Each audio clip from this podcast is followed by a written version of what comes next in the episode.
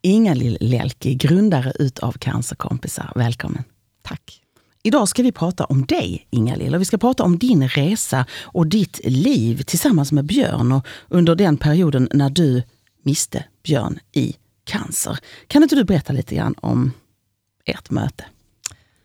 Jag träffade Björn mitt i livet. Eh, och jag hade ju då bott ensam med mina barn i fem år drygt. Jag hade varit gift i många år och skilt mig. Och eh, Vi träffades ute på dans och eh, det var det där klassiska, det sa bara klick. Mm. Så var det. Mm.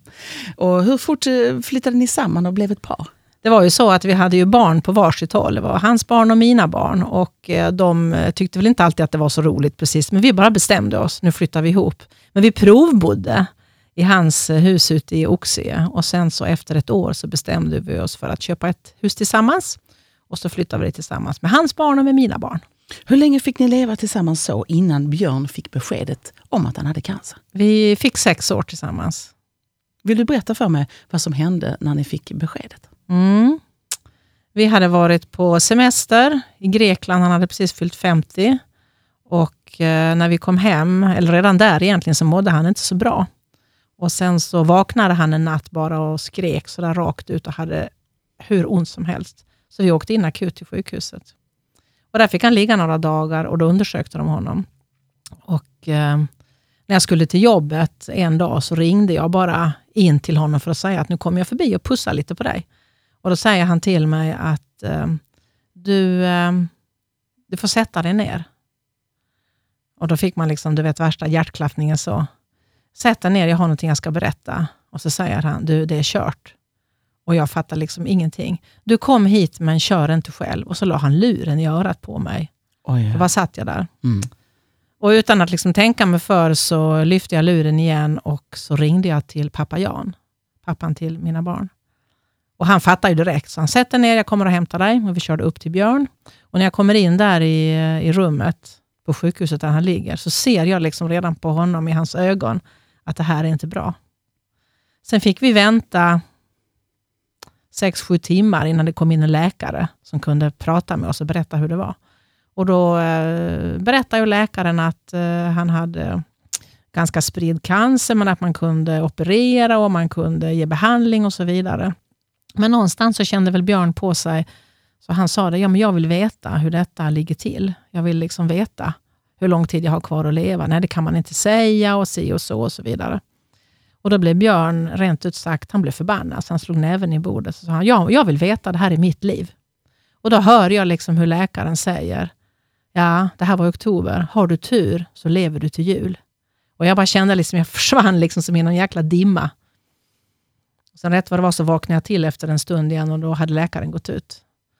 Och Sen så eh, böjer sig Björn fram eh, och tar mina händer och så säger han till mig, du, nu måste vi gifta oss. Och då hör jag mig själv säga ja, fast jag innerst inne tänker, nej, vad fan, det är inte lönt. Han ska ändå dö. Men jag sa det aldrig. Mm. Och Det här minns jag som att det var den allra första gången jag tänkte, en sån förbjuden tanke, det här kan jag aldrig någonsin berätta för honom och inte för någon annan heller. Men eh, sen gick jag hem och eh, skrev det i min dagbok. Hade du skrivit dagbok innan, eller började du där? Nej, jag har skrivit dagbok ända sedan jag var 13 års ålder ungefär. Sen av och till. Och, eh, jag har alltid skrivit dagbok när jag har mått sådär, inte så bra. Det har blivit som en slags ventil.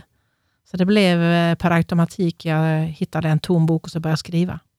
Vad skrev du i den? Minns du det första du skrev i boken? Ja, och det detta? första jag skrev var ju, då, var ju då detta. Så jävla orättvist. Varför skulle detta hända mig? Varför skulle cancern komma in och förstöra liksom allting? Och sen vill han gifta sig. Vad fan är det? Och så massa utropstecken. Mm. Berätta om tiden efter. Hur lång tid fick ni tillsammans innan Björn gick bort? Eh, vi fick ju tio månader. Han skulle bara få tre månader, men det blev fyra månader, och fem månader och sex månader. Och det, var ju, alltså det var ju en pina att se honom liksom tyna bort. Han blev magrare och magrare. Och, och han blev liksom det har jag inte heller sagt tidigare, men jag har skrivit i dagboken. Alltså, jag kände ju inte igen honom. Han blev ju liksom en annan människa. Han blev ju liksom till och med ful. Eh, och Sen fick han ju lite behandlingar så alltså han tappade håret och så vidare. Och sen, det, det, det, som var frustrerande, det var ju att i samma ögonblick som han fick, eller vi fick beskedet, så började vi leva liksom varsitt liv. Vi började leva parallella liv. Han ville göra massor med grejer. Och jag liksom satt, och Han levde i nuet, nuet, nuet, nuet. Och jag levde liksom i framtiden och tänkte, vad ska hända när han dör? Och när dör han? Hur länge ska jag gå och ha det så här? Eh, och alla var ju jättegulliga runt omkring och frågade hur han hade det och hur, hur han mådde och så vidare. Men jag liksom blev helt bortglömd. Och jag bad aldrig om hjälp heller. Alltså jag var ju så ja, stark, ska man ju vara ju. Får jag fråga dig vad som hände med din kärlek till Björn? Vilken svår fråga. När, när, jag, när jag blundade så såg jag honom framför mig. Eh, jag menar, jag var ju med när han tappade håret och rakade av honom håret och så. Men han fanns ju liksom på näthinnan eh, som han var liksom när han var frisk. Men eh, ja, vad är kärlek egentligen? Alltså, jag blev mer som en, eh, hemskt att säga det, men jag blev som en projektledare för hela hans sjukdom. Alla sjukhusbesök och alla akutbesök och alla som ringde och skulle prata med honom, men han pallade ju inte prata med någon. Han ville liksom bara putsa på sin bil eller göra de sakerna. Så jag, fick, jag blev ju liksom hans talesperson också. Du blev den duktiga där som jag blev den, allting. Jag blev den duktiga och uh, han bestämde sig ju redan tidigt att han ville dö hemma. Och Det var ingenting han frågade mig om, utan det blev också bara sådär självklart. Va?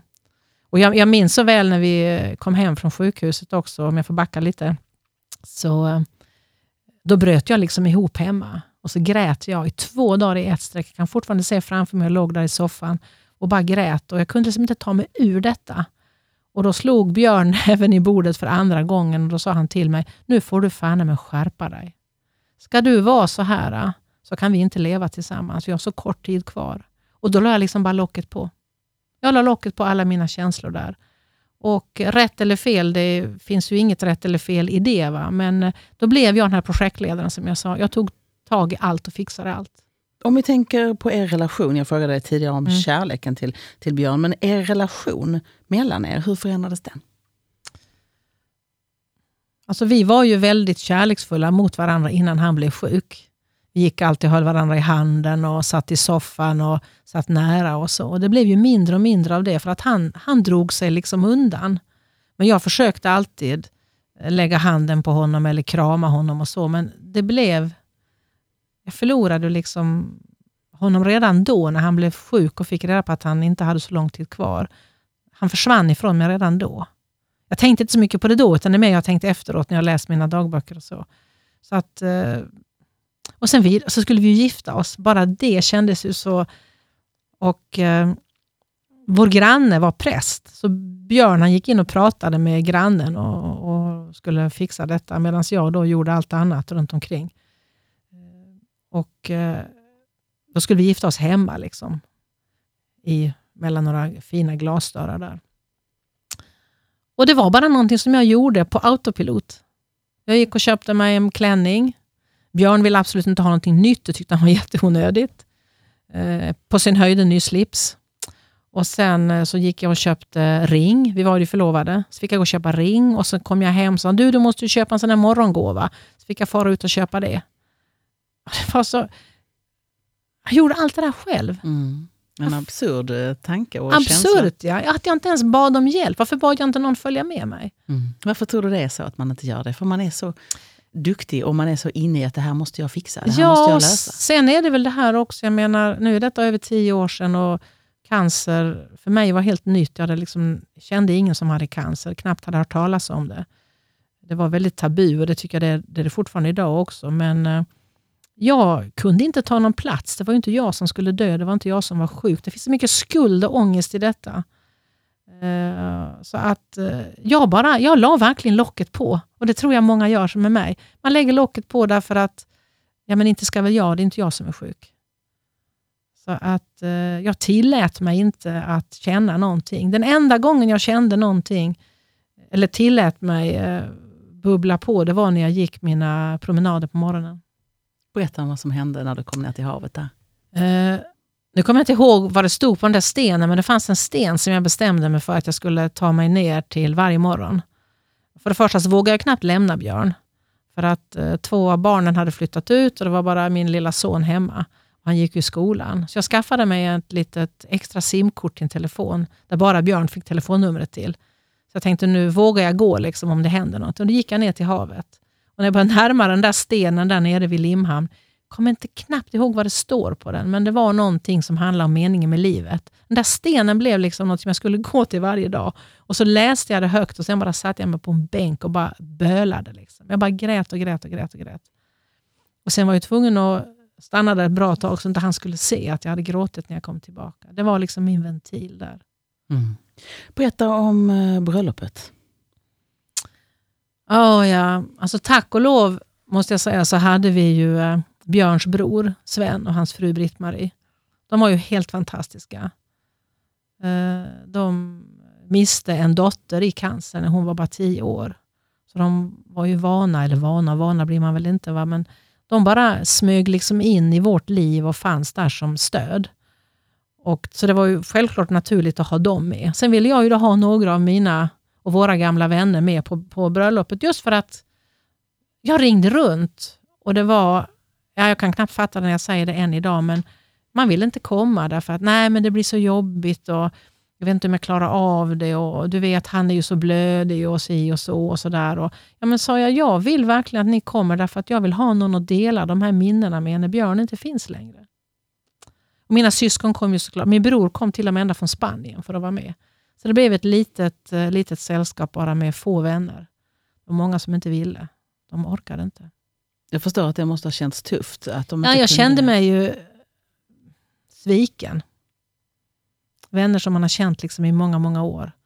Som inte orkade liksom ställa upp på något sätt.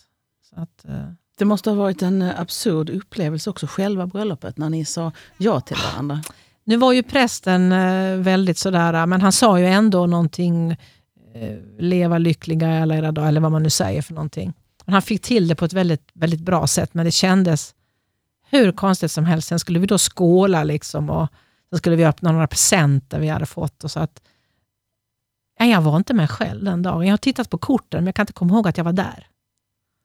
Jag kan icke komma ihåg att jag var där. Men jag minns att när det var färdigt så sa Björn, nej, nu ska vi ha en gin och tonic och nu ska jag röka. Så gick vi ut på trappan och det var soligt och fint väder. Så gick vi och ställde oss där ute på trappan och han drack gin och tonic och rökte. Och han tyckte det var trevligt som helst. Han, mm. var, han var väl så glad han kunde vara. Jag förstår att ni, den där trappan hamnade ni på ibland. Ja. Senare också. Och satt just och, och drack någonting gott och, och mm. rökte. Vad, ja. vad, pratade ni om? Vad pratade ni om hans eh, sista stund? Alltså, han bestämde sig ju snabbt för att acceptera att jag vet att jag kommer att dö, jag känner det på mig. Och vi bestämde tillsammans att vi skulle prata om det här öppet för alla. Både med varandra och med barnen och med alla. att Den här tiden den är liksom kort, vi får ta vara på den. Så vi satt och pratade liksom om dels vardagliga saker, men också om livet och meningen med livet. och Björn, liksom, hur han hade levt och eh, stressat och jobbat mycket. Och när han fick sitt besked så sa han, ja det här har jag fixat själv. Alltså han har själv levt så att han har liksom fått cancer. Det var hans sätt att se på det hela. Men sen skrattade vi himla mycket. Och grannar gick ju förbi på gatan. Vi bodde ju på Limhamn i en hörna där. Eh, villa. Och folk vinkade och han vinkade tillbaka och vi bytte lite fraser och sådär. Va? Men annars var vi ganska ensamma, för det var inte så många som orkade komma förbi och prata med oss eller träffa oss. Men vi pratade om allt möjligt. och eh, kom folk någon gång så hade de alltid en sån här spontan tanke om att Jaha, här sitter du och röker. Ja, men vad fan, jag ska ju ändå dö i cancer. Alltså, han hade väldigt rolig humor. Han var verkligen rakt på sak. Men, eh, och så läste jag rätt mycket för honom, alltså hög, högläsning av olika böcker. Och, eh, hur blev det med era barn? Ni hade ju, Björn hade egna barn ja. och du har barn. Hur, hur pratade ni med dem om det? Hur tog de detta? Hur mötte de er i detta? Eh, Björns bägge barn hade ju hunnit flytta och eh, när man är på avstånd så ser man kanske inte riktigt vad som händer. Och eh, Vi försökte ju förklara, men de förstod inte riktigt hur sjuk han var förrän det hade gått ganska långt. Eh, och Min dotter hade ju flyttat hemifrån eh, ganska nyligen, då när han hade fått beskedet. Så det var ju bara lillkillen kvar hemma, tonåring. Och han... Alltså jag har ju superdåligt samvete för jag kunde inte ta hand om honom. Jag glömde liksom bort honom. Men han hanterade på det sättet att han tog hem kompisar varje dag. Han var hemma jättemycket. Och Jag har förstått så här i efterhand att han ville liksom ha koll, så han tog med sig kompisar och sen så gick de in och så sa de hej till Björn och sen gick de och gjorde det de skulle, spela spel eller vad det var. Va? Så att, eh, men vi försökte ju samla familjen och några nära på middagar och så, för Björn han var ju så duktig på att laga mat. Han älskade ju mat. Han kunde skicka iväg mig till att köpa kräftor och allt möjligt. Jag körde runder överallt och när jag väl sen kom hem med det så kunde han ju inte äta, för han mådde liksom inte bra. Då fick jag sitta och äta. Hur blev det med smärtan? Jag vet att Björn hade mycket smärta. Gav ja. du honom medicin? Du, du sa att ert hem mot slutet blev som ett minisjukhus. Ja, Berätta. det blev som ett minisjukhus. Och det var också ingenting som vi bestämde, utan det bara... Eh, plötsligt så stod det en sjukhussäng där hemma som sjukvården hade fixat. Vi hade ju fantastiskt team runt omkring oss. Eh, och eh, Sen blev det droppställning för han skulle få näringsdropp, för han kunde ju inte äta, utan för cancern hade ju vuxit igen eh, så att han kräktes upp nästan det mesta. Så han var ju tvungen att få dropp för att överhuvudtaget ha energi till att röra på sig. Och Han blev ju irriterad att det där droppet skulle ta så många timmar, så att han fick lära sig att, att koppla av det själv. Och Sen så lärde han mig att göra det. Liksom. Han delegerade det till mig kan man säga. Så jag kunde koppla bort det här droppet. Och Sen när han hade ont så gav jag honom morfinsprutor och tabletter och höll reda på honom på det sättet. Alltså jag var ju med honom 24-7, dygnet runt. Förutom när jag gick mina morgonpromenader. Där du fick skrika av ja, lite precis. Grann. Det var väl mm. något dygn bara som jag eh, hade någon som tog hand om honom då jag var ledig. Annars var det hela, hela tiden.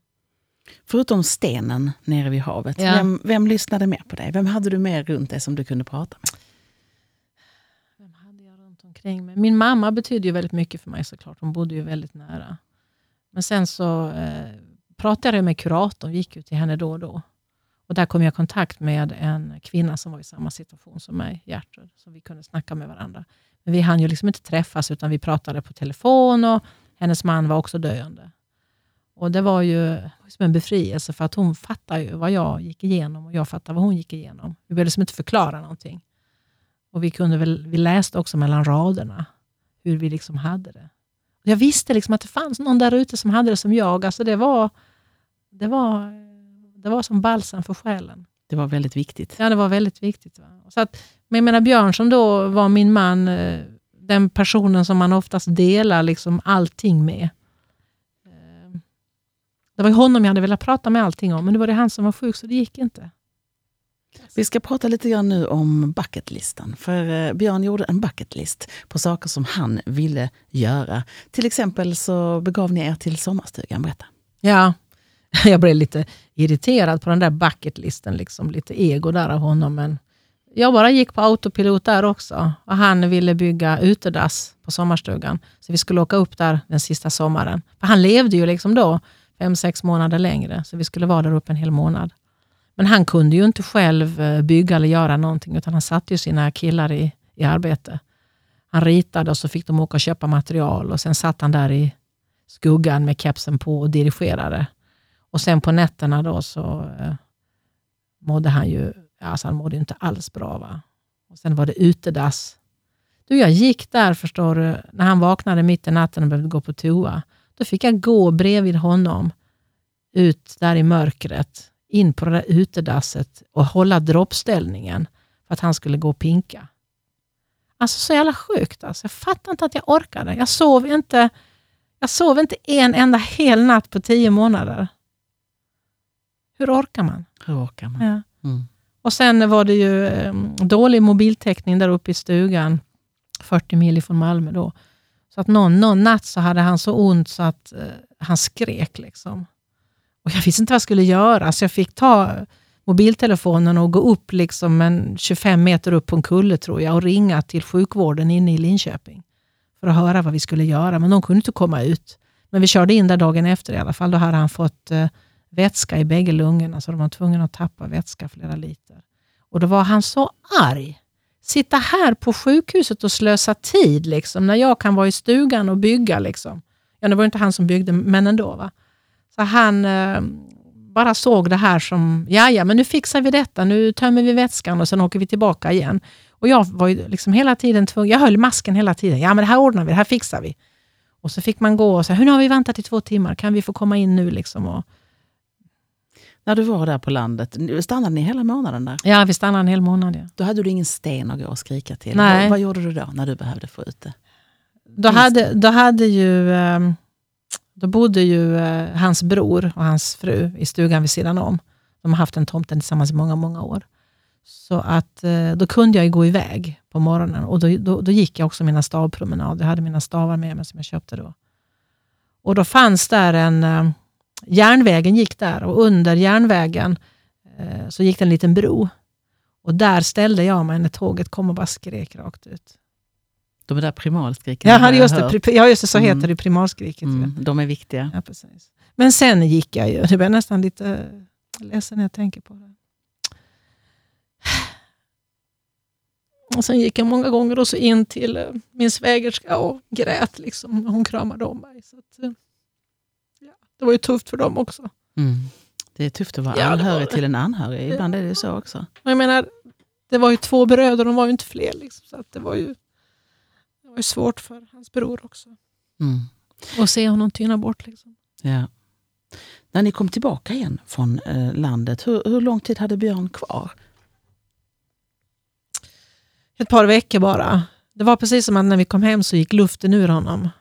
Och eh, Då så la han sig ner och sen så klev han i princip inte upp. Jag tror det var tre veckor. Någonting sånt där. Då hade han gjort allt han ville. Hade han byggt det där jäkla utedasset. Köpt den där bilen han ville. Och sen skulle vi gifta oss. Det var ju de sakerna han ville göra. Mm. Och jag, och jag vet att under den sommaren så pratade vi om att eh, jag tyckte vi skulle sälja huset så att jag kunde flytta till någonting mindre. Men eh, det ville inte han. Och eh, med facit i hand så skulle jag stått på mig och flyttat till något mindre.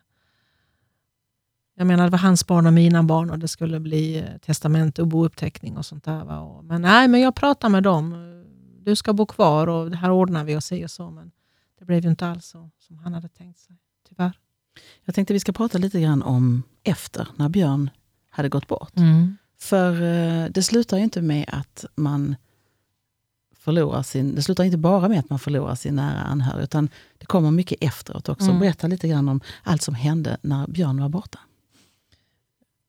Jag tänkte bara berätta om den morgonen då när han eh, dog. 6.35 en morgon, då hade han liksom legat i dvala ganska länge. Och då hade vi en av eh, sjuksköterskorna där. Och Eh, då satt hon med honom hela natten och kom hon in till mig på morgonen och berättade att nu får du nog komma in för nu närmar det sig slutet. Och Då sätter jag mig vid sängkanten och liksom hör hans sista andetag. Och det första jag säger då, eller jag säger då, äntligen. Och när jag har sagt det så sätter jag nästan handen för munnen, för jag tänkte så kan man ju inte säga.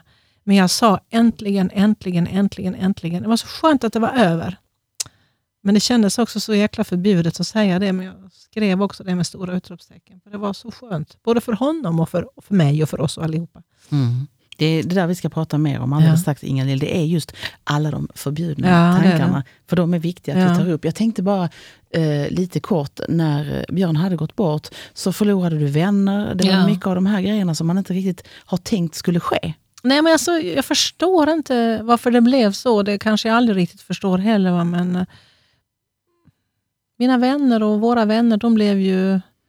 Jag menar antagligen är de, var de själva rädda för att få cancer. Jag vet inte, men de liksom försvann. De orkade inte. Dels för att vi var väldigt eh, öppna och pratade om det. Och dels också att de såg ju hur... De såg ju, han, han såg ju dödssjuk ut, så det var inte så konstigt kanske.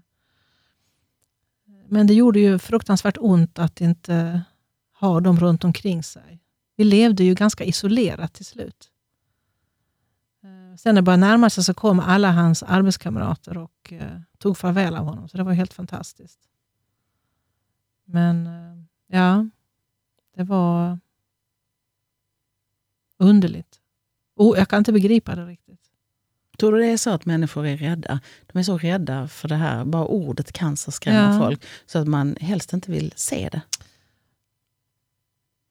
Jag brukar säga det ibland, är det så att cancer smittar? Men eh, vi människor vill kanske inte se döden på något sätt. Sen tror jag också att eh, de vågade inte komma för att eh, de var, visste inte hur de skulle prata med mig.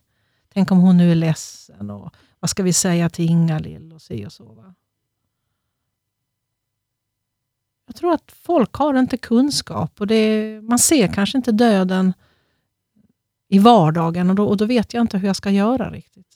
Och du fick också mycket att stå i precis efter dels begravningen, Ja. som jag vet eh, är jobbig. Men sen handlar det om huset och jobb Mm. och alla de här praktiska bitarna efteråt. Där man kanske skulle behövt lite hjälp. Ja, För då är man väl rätt färdig. Då går du på knäna. ja och från en sekund till en annan att Björn finns och sen finns han inte. Det var ju liksom en riktig chock.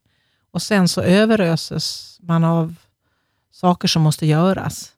Boka begravningen, fixa begravningen och, och då hade ju hans söner också blivit ännu mer engagerade där på slutet. Och sen ville de vara med och tycka till och bestämma och, och så. Och hade inte funnits där så mycket under tiden och det kändes också... Jag blev, jag blev arg och besviken eh, på dem. Och eh, Sen så ville ju Björn bli begravd upp i sina hemtrakter. Så då skulle han ju kremeras och eh, så skulle då urnan transporteras upp. Så jag satte den i hans BMW, spände fast den i framsätet, urnan, och så körde jag upp 40 mil. Och så mötte, möttes familjen där uppe och så satte vi ner honom i marken. Minns du eh, vad du tänkte under den här resan? Alltså jag hade inte radio eller musik eller någonting. Jag bara satt och tittade liksom ut på de vägarna som vi hade kört liksom i flera år till hans stuga. Då ju. Och bara tänkte, liksom, vad, vad hände? Hur gick detta till?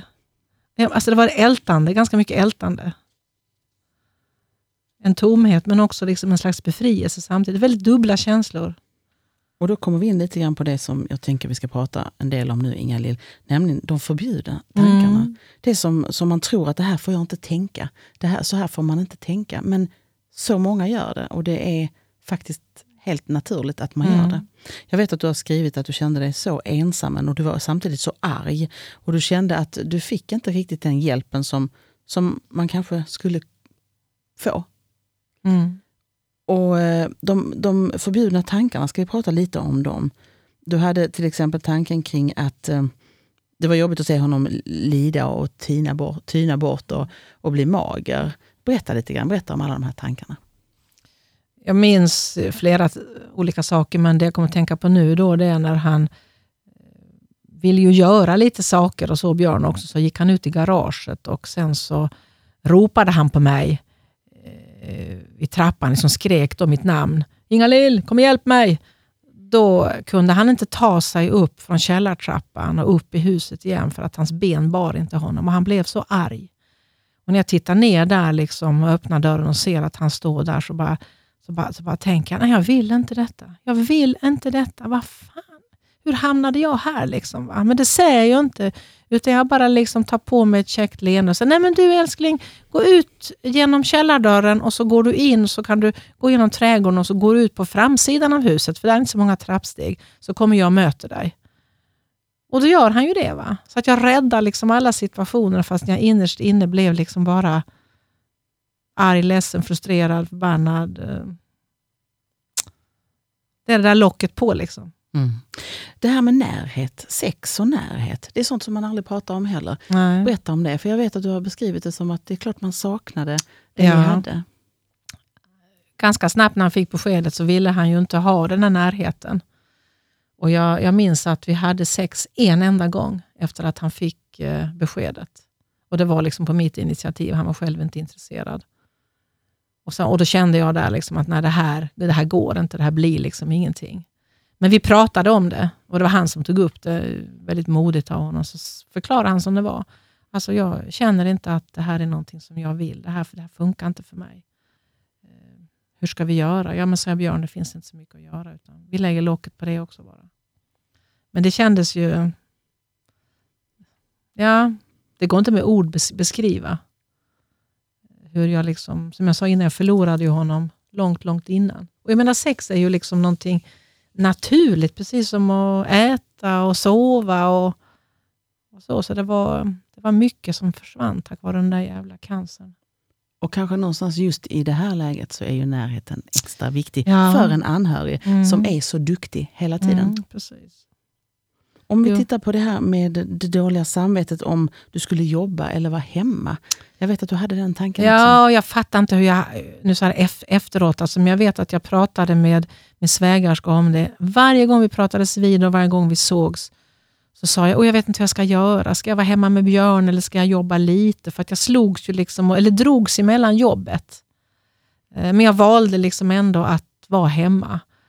Och Det var ju också svårt att inte gå till sitt arbete. Jag hade ett jätteintressant och stimulerande arbete. Men och jag fattar inte, och jag, jag, menar, jag känner ju igen det i andra idag som är i samma situation som jag, att man har dåligt samvete för, för jobbet. Men då vet jag att hon sa till mig att ja, men du, jobbet finns kvar, men inte, men inte Björn. Ta nu dig den här tiden och ta hand om honom och var med honom. Men det gnagde hela, hela tiden. Nu när man tittar i backspegeln, Inga-Lill, på de här tio månaderna som jag vet du säger, tio hemska, jävliga månader Mm. som det faktiskt var. Var det ofta folk sa till dig att du var duktig och du var stark och, och vad, vad duktig du är som klarar det här, det här hade Mm. jag aldrig klarat. Mötte du folk som sa så? Ja, ja, oh ja, vi sa de det. Och det, var ju, ja, det ville jag ju inte höra. Jag ville egentligen bara att någon öppnade famnen och gav mig en kram och frågade hur mår du egentligen? Mm. Det var ingen som gjorde det. Utan alla talar om hur duktig man är. Alla talade om hur duktig jag var. Ja, det var ju då hans bror och svägerska. De, de, de bodde ju liksom långt bort, men vi var ändå mycket tillsammans. Eh, men de frågade ju hur det var. Men alla andra runt omkring var liksom...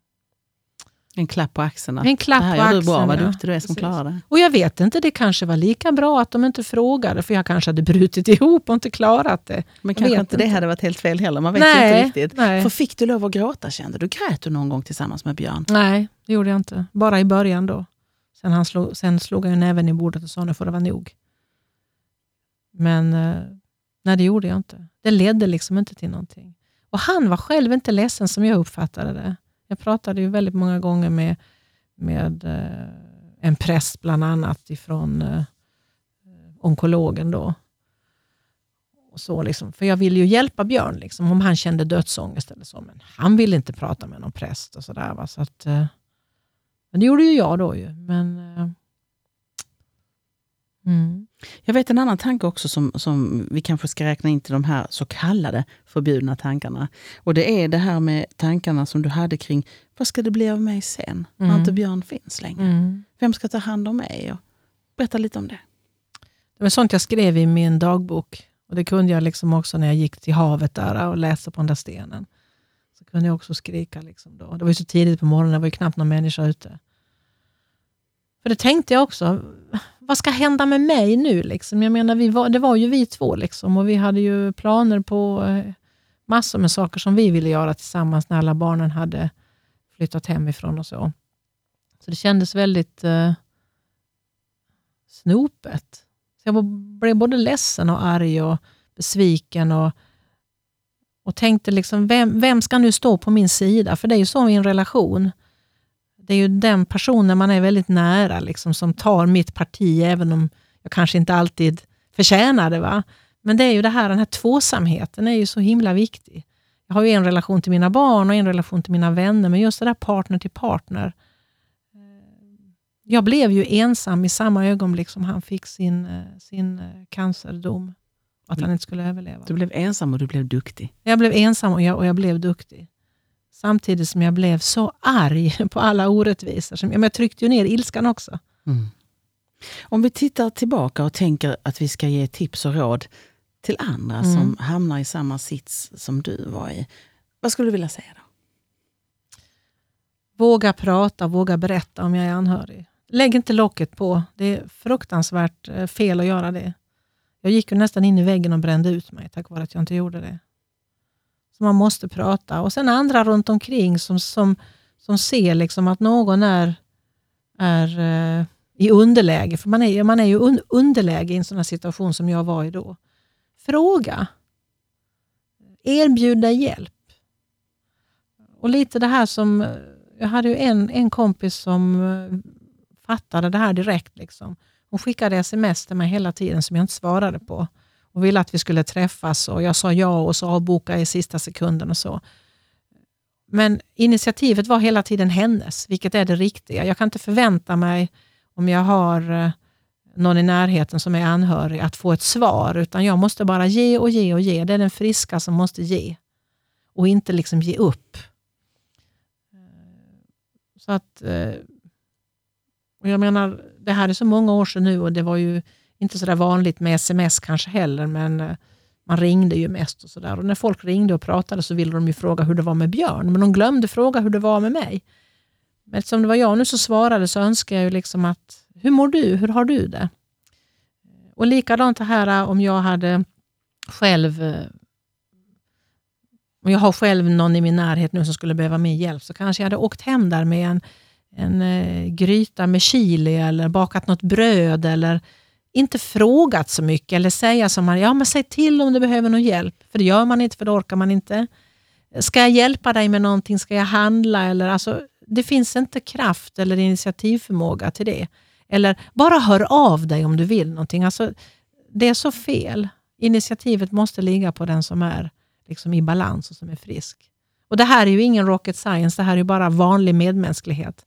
Men det är precis som att när det gäller cancer, då finns inte den där medmänskligheten på något sätt. Och då blir folk så jäkla rädda. Skulle det vara okej okay för dig om någon i din närhet var ledsen tillsammans med dig? För många är nämligen rädda, tror jag, att jag kan inte trösta Ingalill för jag kommer börja gråta själv. Mm. Vad säger du om det? Hade du klarat om någon försökte trösta dig och själv blev ledsen samtidigt? Om, om den personen blir ledsen, inga problem. Absolut inte. Det hade varit ganska skönt att få gråta tillsammans med någon. För Då hade jag liksom insett att ja, men, den här personen förstår mig, till en viss del i alla fall. Att våga liksom visa känslor.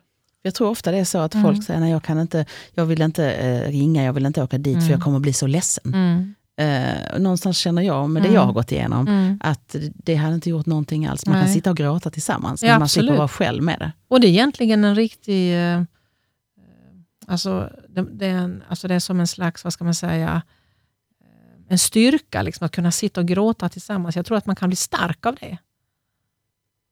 Jag tror, jag tror det kan ge energi, det var det ordet jag letade efter. Så är det. Om jag säger Gertrud, vad säger du då? då säger jag min min cancerkompis. Låt oss komma in lite grann på Gertrud och på cancerkompisar. Ja. Berätta om Gertrud. Gertrud eh, är också änka, precis som jag. Och Vi kom i kontakt med varandra genom kuratorn på sjukhuset. Eh, inte först genom kuratorn direkt, för att eh, det var ju, det är ju sekretess inom sjukvården, så vi gick lite omvägar. Och Vi började ringa till varandra och prata med varandra på telefon. Sen kunde vi inte träffas förrän eh, våra män var döda, för vi hade ju fullt upp med våra liv och ta hand om våra män. Men Gertrud är ju en eh, person som finns kvar i mitt liv fortfarande än idag, som betyder väldigt mycket för mig. Hon är verkligen min egna cancerkompis. Vi har liksom varit med om samma saker och upplevt samma saker. Och vi förstår varandra. Vi har någonting, vi är väldigt olika, men vi har det här gemensamt som liksom, det är kittet som binder oss samman på något sätt. Det är väldigt, väldigt starkt. Jag vet när jag träffade dig första gången, jag tror om det var så att jag träffade Gertrud också, jag minns inte, du sa det här är min cancerkompis. Ja, så tänker man, wow, det här var lite ovanligt att ja. höra. Men berätta, för utifrån detta så blev det cancerkompisar. Berätta om cancerkompisar. Ja. Åh, var ska jag börja, Anna? Hur mycket ska jag berätta? Hur mycket ska jag, var, ska jag, var ska jag börja någonstans? Jo, men det började ju där att vi träffades. Vi bestämde att vi skulle träffas Eh, efter bägge våra män var döda. Så vi träffades på, på Möllevångstorget. Eh, hade väl inte någon eh, blomma i knapphålet precis, men vi fick ju berätta lite för varandra hur, hur vi såg ut och så. Och eh, Vi kände ju varandra redan, fastän vi inte hade träffats.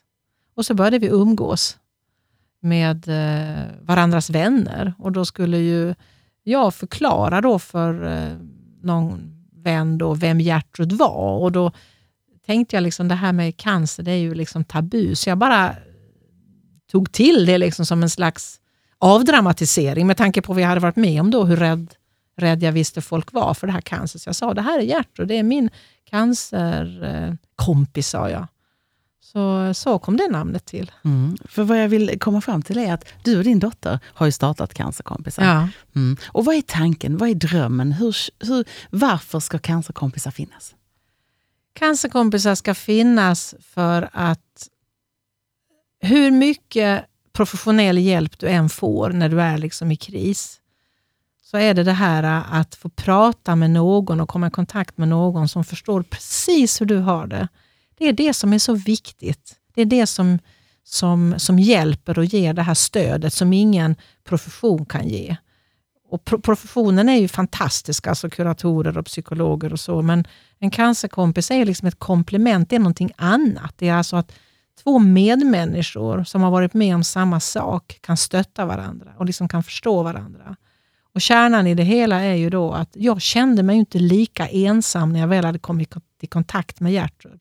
Och jag vet att Gertrud kände sig inte heller lika ensam sen hon kom i kontakt med mig.